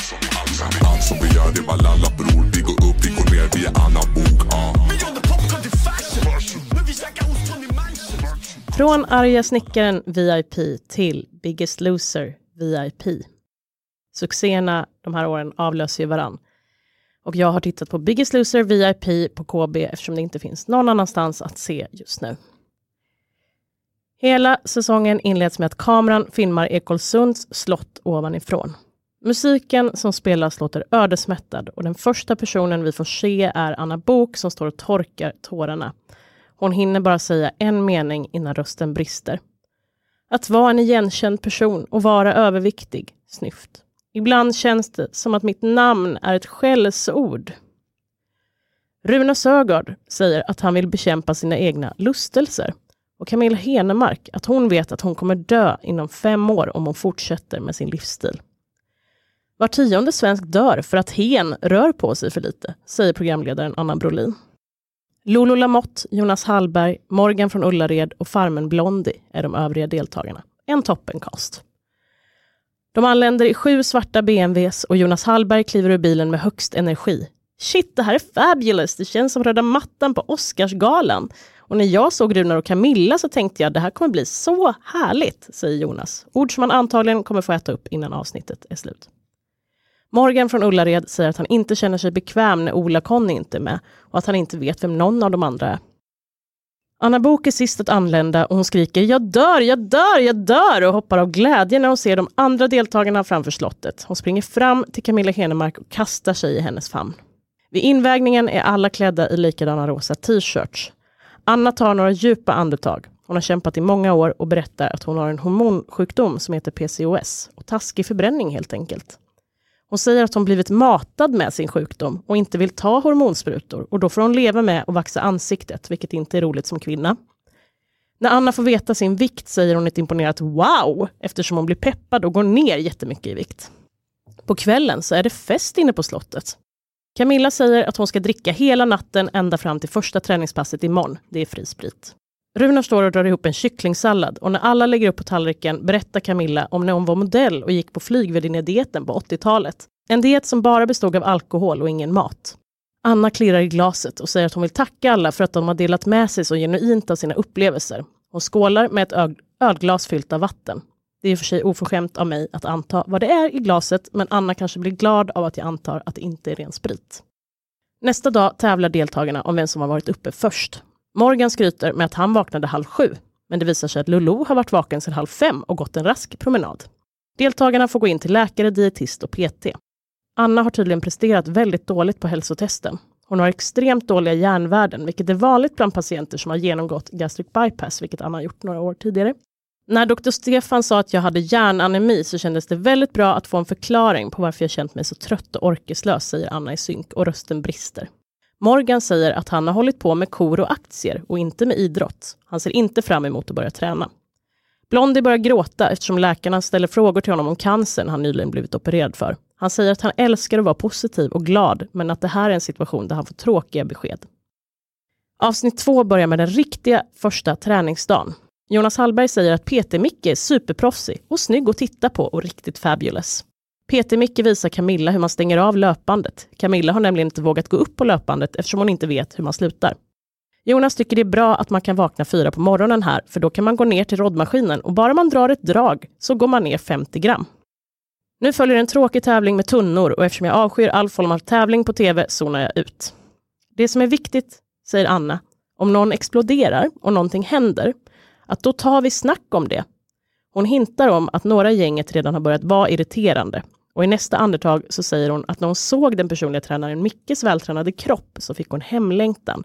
Eftersom min man Roberto ser också ut sådär. Han är också så sexig och vacker, säger Anna och ser drömmande ut. Camilla kommer in på dåligt humör och smäller i lådor i köket. Camilla var helt galen, hon glömt att ta sina nervlugnande, säger Jonas. Anna säger, jag sken som en sol och frågade Camilla hur hon mår. Och hon säger att hon blir jätteledsen av det dåliga bemötandet. Jonas säger att Camilla är på värsta krigsstigen och har dålig attityd. Hon stormade igenom köket som ett vrak. Camilla går in och frågar vad de andra har för problem med henne. Anna säger att hon blev rädd för Camilla som kom emot henne och såg extremt sur och arg och upprörd ut. Och det står jag för, säger Anna. Camilla säger att hon hade lurar i öronen och då säger Anna, jag pratar fortfarande om din uppsyn. Och Camilla säger, okej, okay, men om jag gör er obekväma så ska jag försöka hålla mig vid sidan om. Jag har inte den sociala styrkan nu att vara rätt för er alla. Och Camilla säger att hon tappar självkänslan av att behöva umgås med de andra. Jag är fortfarande i chock. Jag förstår inte hur man kan ljuga någon rakt upp i ansiktet sådär. Jag kan inte förstå det. Jag känner mig jätteblåst. Alla hade vi ett enskilt val som jag talade om att jag respekterade innan. Jag kan inte, jag kan inte göra Nu mer. följer ett träningspass där Jonas tränar och slänger runt en sandsäck medan han skriker Louis Vuitton, Dolce Gabbana, Louboutin. PT-Micke säger att Morgan är vilse både i gymmet samt sin egen kropp och att han inte vet var den börjar och slutar. Morgan säger att han inte tror att det är livets mening att gå till ett gym och ha någon som skriker på en. En rimlig inställning kan jag känna. Vid invägningen säger Jonas Hallberg att han får en ångestattack för att shortsen de är tvungna att ha går ner till knäna. Han är van vid sexiga fabulous shorts som knappt täcker rumpan. Avsnitt tre så börjar det extremt ödesmättat med att en ambulans kör fram till herrgården och Jonas säger “Vilken jävla start på dagen!” Morgan förs iväg med ambulansen eftersom han har irrat omkring på ägorna utan att svara på tilltal. Runar delar in alla i lag och sätter alla dåliga i sitt motståndarlag, det vill säga Anna, Blondie, Morgan och Camilla. Jonas säger att hans, Runars och Lolos lag är 100% drama free. Nu kommer Annas tårdrypande segment där hon får berätta sin historia. Hon beskriver hur hon har lyckats gå ner i vikt flera gånger men alltid gått upp igen. Och hon får ofta höra glåpord och folk som skriker bakom ryggen. Ord sårar så vansinnigt mycket, säger hon och gråter. Hon berättar att hon har varit med i nästan alla tv-program som går att vara med i. Och jo, det har vi märkt. Anna började gå upp i vikt efter att hon fick barn första gången vid 21 års ålder, så hon har varit överviktig i 24 år. Morgan kommer tillbaka i en taxi och säger att han inte minns någonting alls. Han kan inte säga att han har varit på sjukhus eller åkt ambulans. Nu är det ett långt segment som känns hämtat från det okända. Anna säger att hon tror på andar och alla deltagare berättar att de hört och upplevt olika saker på slottet. Anna, Blondie och Jonas går på spökjakt med ficklampor. Anna säger att det är alltid så när man lyssnar, att man hör lite extra. Blondie avslöjar att han inte alls har hört barnskrik som han sagt till de andra, utan bara ville skapa content. Avsnitt 4 börjar med en frestelsetävling som går ut på att man ska äta så mycket som möjligt och det lag som äter flest kalorier får ringa hem. Anna hetsar de andra att äta så mycket så de vinner tävlingen så att hon äntligen får prata med Roberto och barnen, men äter sen ingenting alls själv. Camilla säger att hon åt en kebab bara för att Anna skulle få ringa hem. Camilla och Anna inleder ett nytt bråk som jag inte riktigt fattar, men Camilla anklagar Anna för att ha varit självisk som ringde hem när Camilla inte har någon att ringa hem till. Anna får ett psykbryt och skriker att hon kommer rösta ut Blondie i så fall, eftersom han är hennes största konkurrent. Camilla säger att Anna inte behöver skrika, men Anna skriker att hon får skrika hur mycket hon vill. Då är det väl han som ska ut först? Bam!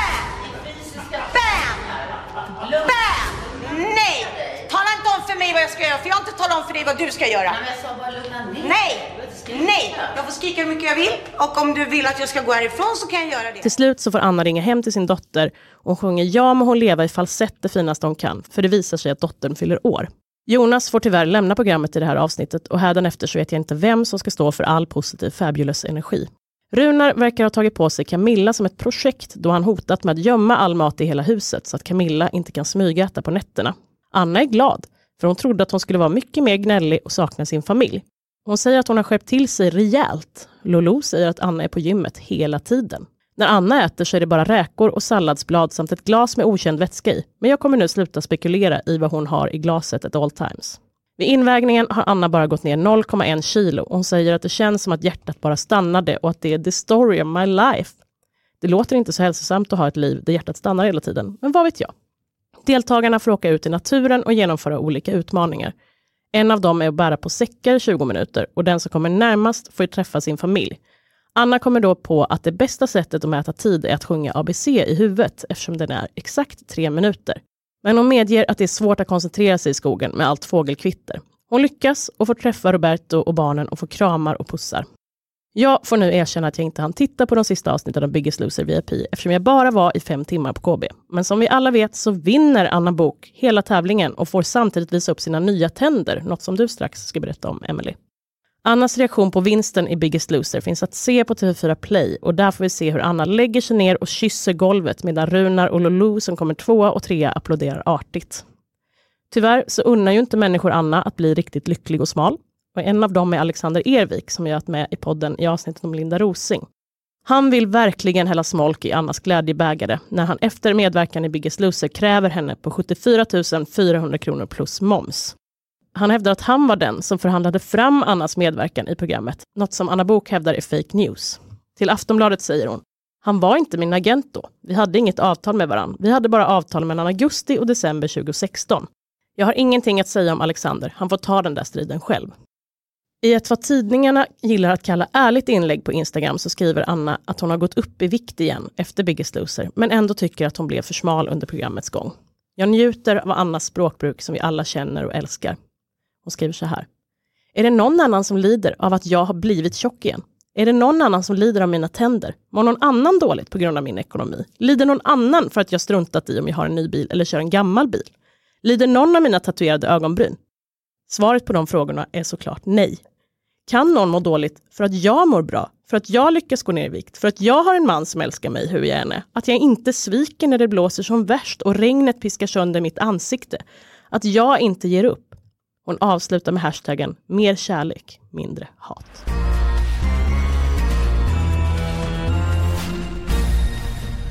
Ja, som du nämnde 2017, under tiden som hon spelar in Biggest Loser så händer det ju någonting annat också förutom den här drastiska viktnedgången. Efter att ha lidit av extrem muntorrhet under många år så är Annas tänder förstörda.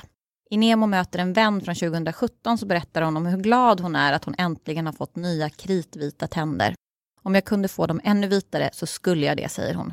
I en artikel ur Mitt i Vallentuna förklarar hon att hennes nya tandläkare Jelena Leppinen på Brottbykliniken är fantastisk. Ja, Anna är så lyrisk över sina tandläkarbesök att hon anklagas för att vara sponsrad, något som Jelena själv tillbakavisar helt i artikeln. Enligt en intervju med Johanna Blad för Hänt TV så kostade det 3 till 6 000 kronor per tand och hon har 30 nya tänder, så you do the math. Och det gjorde jag och det blir 90 till 180 000 kronor. Samma år, 2017, så berättar Anna i en live på Mix Megapols Instagramkonto om sex med Roberto på ICA Maxis kundtoalett. Gry Forssell undrar hur ofta Anna Bok och maken har sex på olika offentliga platser. Nej, inte speciellt ofta, men det har hänt, typ mitt i natten när vi varit ensamma. Som barnen säger, get a room. Då säger jag, why should we when we have nature? Efter vinsten i Biggest Loser VIP bestämmer sig Anna för att ta en paus från sociala medier. Till GT säger hon i augusti 2018 att hon behöver vila och bara få vara Anna ett tag. Därefter medverkar hon i Fångarna på fortet än en gång.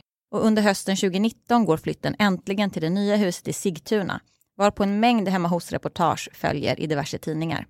2020 går Anna ut med att hon upplevde en kollaps efter månaderna i Biggest Loser VIP. Hon berättar att hon tappade bort sig själv under tävlingen. Jag fick bestämma mig. Ska jag jobba och tjäna en massa pengar och vara med bara för att man är rädd att tappa sin plats?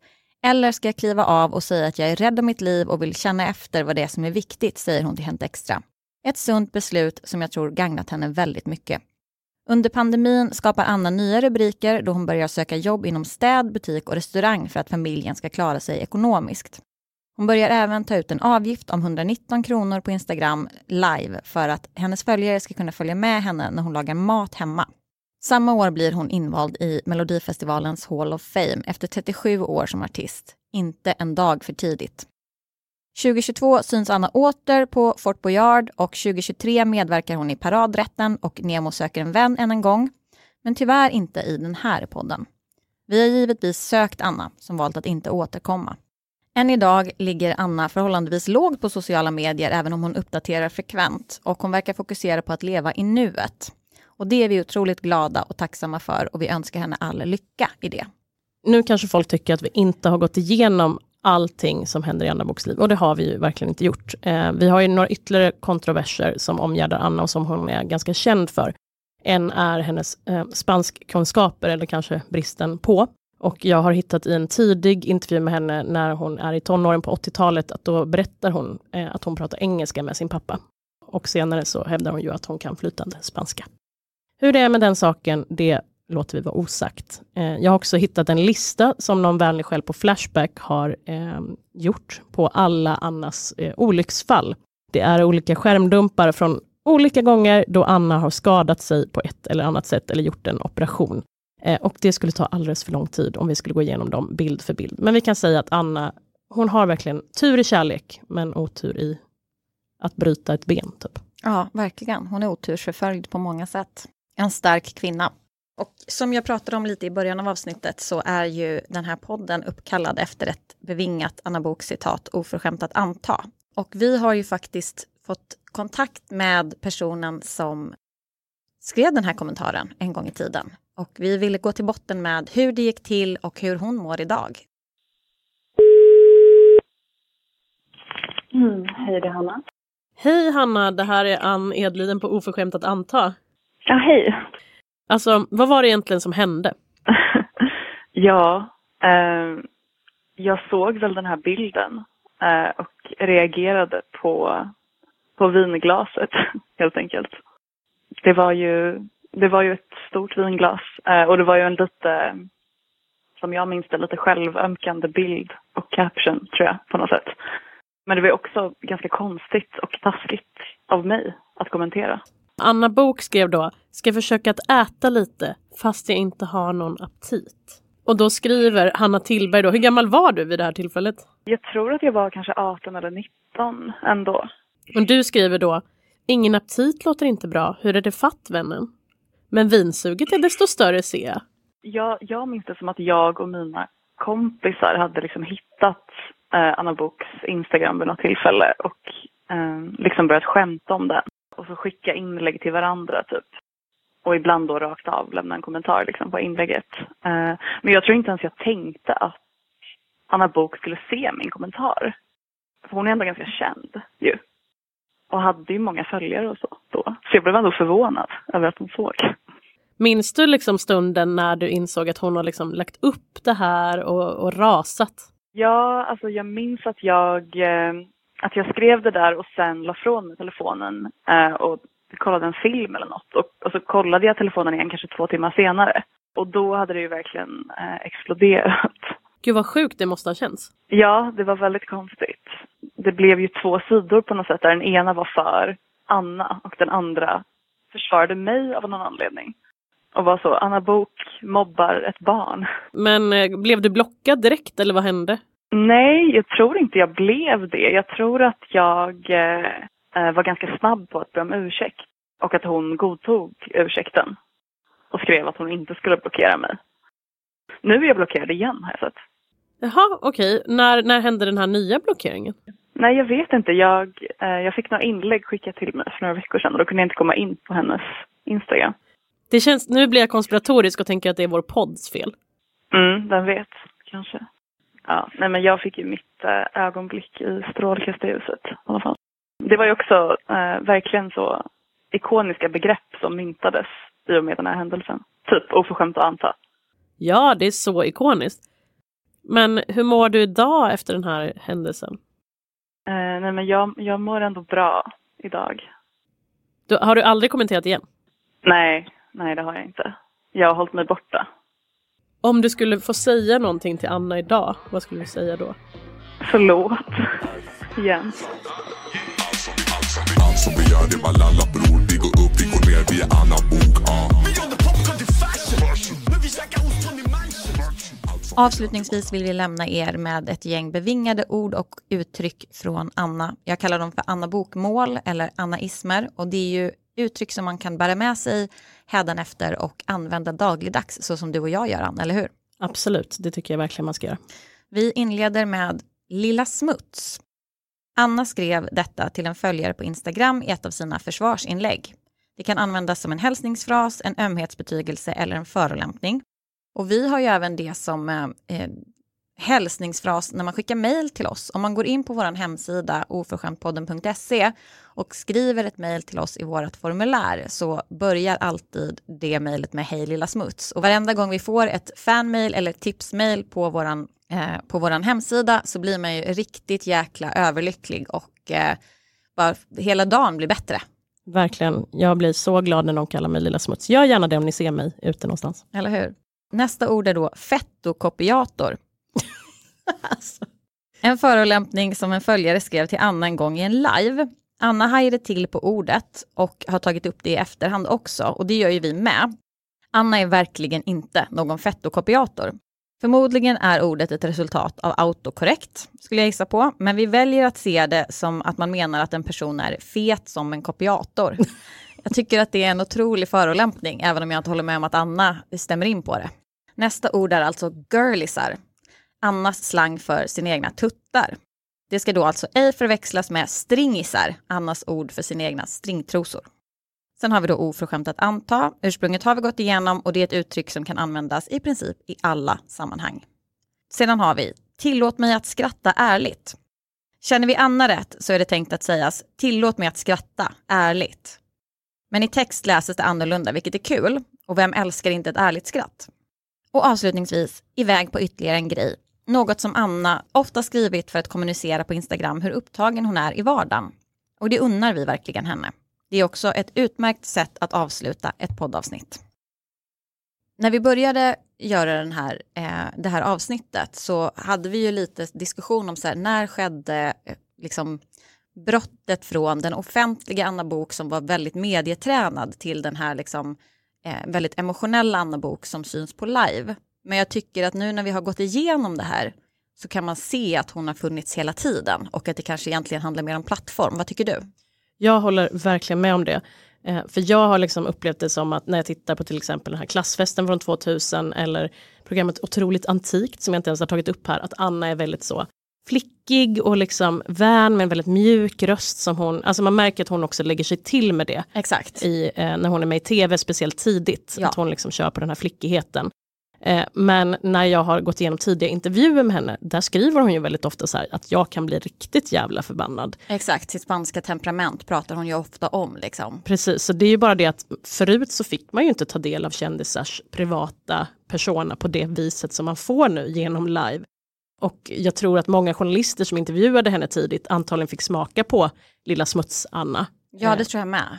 Och jag tror också så här, hon kom ju ur en generation som liksom var lite äldre när internet hade sitt genomslag och kanske inte haft eh, på grund av det liksom en inställning till parasociala relationer med sina följare eh, fram tills att hon gick live och då helt plötsligt så liksom den väggen mellan henne och allmänheten blev så tunn liksom.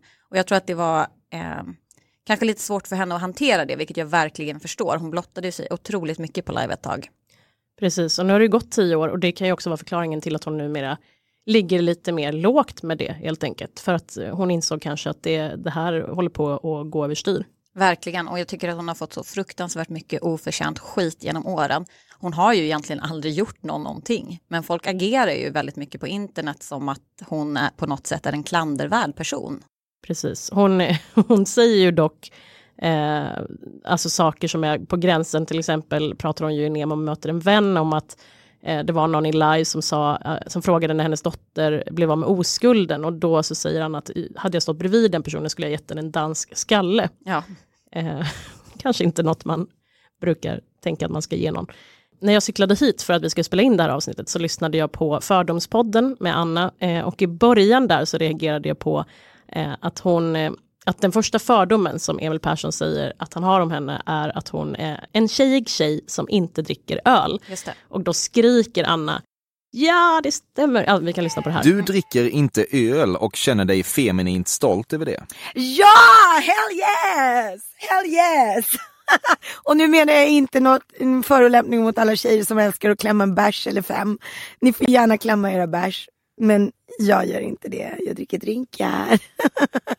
jag tycker det är lite porrigare faktiskt. Och då kände jag att hon talade direkt till oss. Att hon, hon sa liksom att det är okej att vara så som ni, Anna och Emily, alltså pick me girls som dricker öl. Eh, men hon är absolut inte sån. Och det tror jag stämmer. Jag tror att vi är väldigt olika, Anna. Det tror jag med. Jag har också tänkt väldigt mycket på att så här, jag tror att Anna egentligen föddes i fel tid. Alltså jag tror att hon, för hon är ju väldigt mycket så här stormoddrang.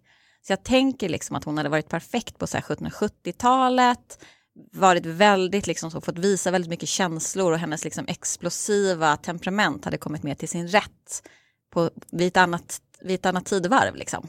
Avslutningsvis så har jag funderat lite på vart hon skulle kunna ta sin karriär idag. För just nu så verkar det som att hon framför allt gör liksom retroframträdanden. Alltså dyker upp i olika sammanhang på så här eh, remember the 80s grejer typ och sjunger ABC och sådär. Och det tycker jag är synd på ett sätt för det är säkert toppen för henne men hon har ju ett, ett liksom outforskat eh, potential. Så min önskan är att hon skulle nu när hon är där hon är i livet göra en Linda Rosing Tilenius och liksom bli en sån eh, dansbandssångerska eller sångerska i något annat band som liksom verkligen, hon kan bara så här åka runt och köra så, med ett band. Det tror jag hade varit perfekt för henne. Ja, och dock jobbigt att turnera. Men, Jo, men hon är ju, alltså, skulle hon få med sig Roberto, barnen är utflugna, du vet. Det, är de det- verkligen det? Det kommer de väl aldrig egentligen vara. men så här, rent, rent tekniskt sett så borde de vara det nu. Ehm, De kanske, det kanske blir det som får dem att liksom lämna boet. Mm, ja, man kan ju hoppas det, för jag tror att Anna behöver vara, få vara fri lite nu efter att ha varit en mamma så himla, himla länge.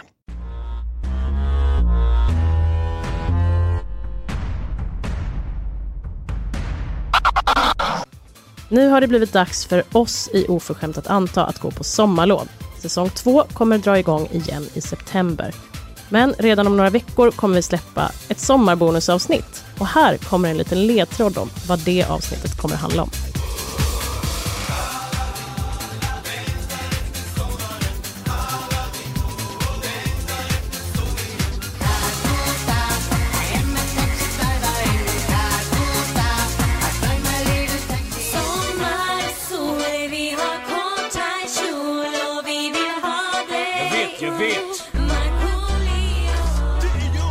Du har lyssnat på Oförskämt att anta, en podcast om ful kultur med mig, Ann Edliden och Emily Dahl. Vignett av Jugge Nohall. För källförteckning och vidare fördjupning om varje avsnitt besök vår hemsida oförskämtpodden.se. Och glöm inte att prenumerera på podden i din poddspelare för att inte missa nästa avsnitt. Och följ oss i sociala medier. Nu, iväg på ytterligare en grej. Hej då! Hej då!